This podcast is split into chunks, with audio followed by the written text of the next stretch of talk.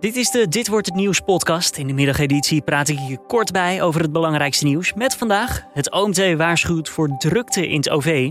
De R zakt onder de 1 en kans op storm. Mijn naam is Julian Dom en het is dinsdag 9 maart. Dit is de Dit wordt het nieuws middagpodcast. Het wordt steeds drukker in het openbaar vervoer en daar maakt het Outbreak Management Team zich zorgen over. Met name in de treinen kan er niet altijd voldoende afstand gehouden worden. Het OMT zegt in zijn laatste advies aan het kabinet dat de coronasituatie nog steeds zorgelijk is en dat grote versoepelingen niet verantwoord zijn. De NS erkent dat het druk kan zijn, iets dat ook niet altijd voorkomen kan worden. Ja, we zien soms dat het wat drukker is in de trein, komt met name door incidenten. Dus dan gaat er iets verkeerd op het spoor, bijvoorbeeld omdat er een trein uitvalt. Of dat wij door uitval van trein met een kortere trein moeten rijden. En dat leidt ertoe dat het dan eh, drukker in de trein is dan, eh, dan gepland. Verder geldt ook nog altijd het advies: maak enkel noodzakelijke reizen. Gisteren hoorden we op de persconferentie dat er weer meer mogelijkheden komen voor winkels. Zo mogen er vanaf 16 maart weer iets meer klanten per vierkante meter naar binnen, wel nog met een tijdslot. Daar zijn vooral de grote winkelketens blij mee. Zo kunnen bij de H&M en bouwketen Hornbach binnenkort weer klanten terecht en laten de Bijenkorf en IKEA aan nu.nl weten mogelijk volgende week open te gaan voor winkelen op afspraak. Weer problemen met de levering van coronavaccins. Farmaceut Johnson Johnson van het Janssen-vaccin heeft de EU laten weten van hun bevoorradingsproblemen. In het tweede kwartaal zouden ze 55 miljoen doses leveren, maar ze weten niet of dat zal lukken. Onmogelijk is het niet, maar ze houden wel een slag om de arm.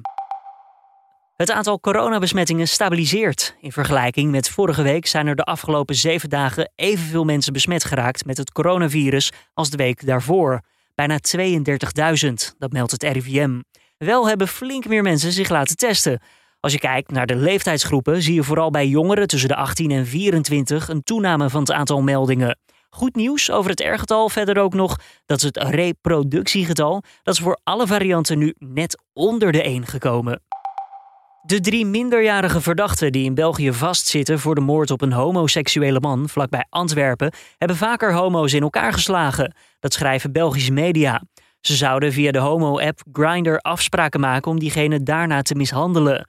Afgelopen weekend overleed een man door dat geweld en België is in shock na die moord. En als je vandaag al klaar bent met het weer, dan mag je je borst nat maken, letterlijk.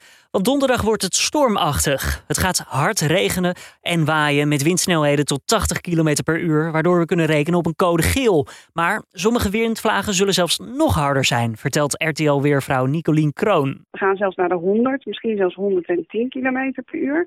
En dan zou het zelfs eventjes een code oranje kunnen gaan worden. Daarmee lijkt Maart zijn spreekbeurt eer aan te doen. Maart roert zijn staart ja, in, in de maand maart kun je bijna alle seizoenen voorbij zien komen. Je kan sneeuwbuien krijgen, je kan zon- en lentetemperaturen krijgen. Nou, gek is het niet. Dan nieuws nog over de Gouden Koets. Die keert namelijk terug. Vanaf 18 juni is die te zien in het Amsterdam Museum. Die dag opent een expositie over de koets die er inmiddels een restauratie van vijf jaar op heeft zitten.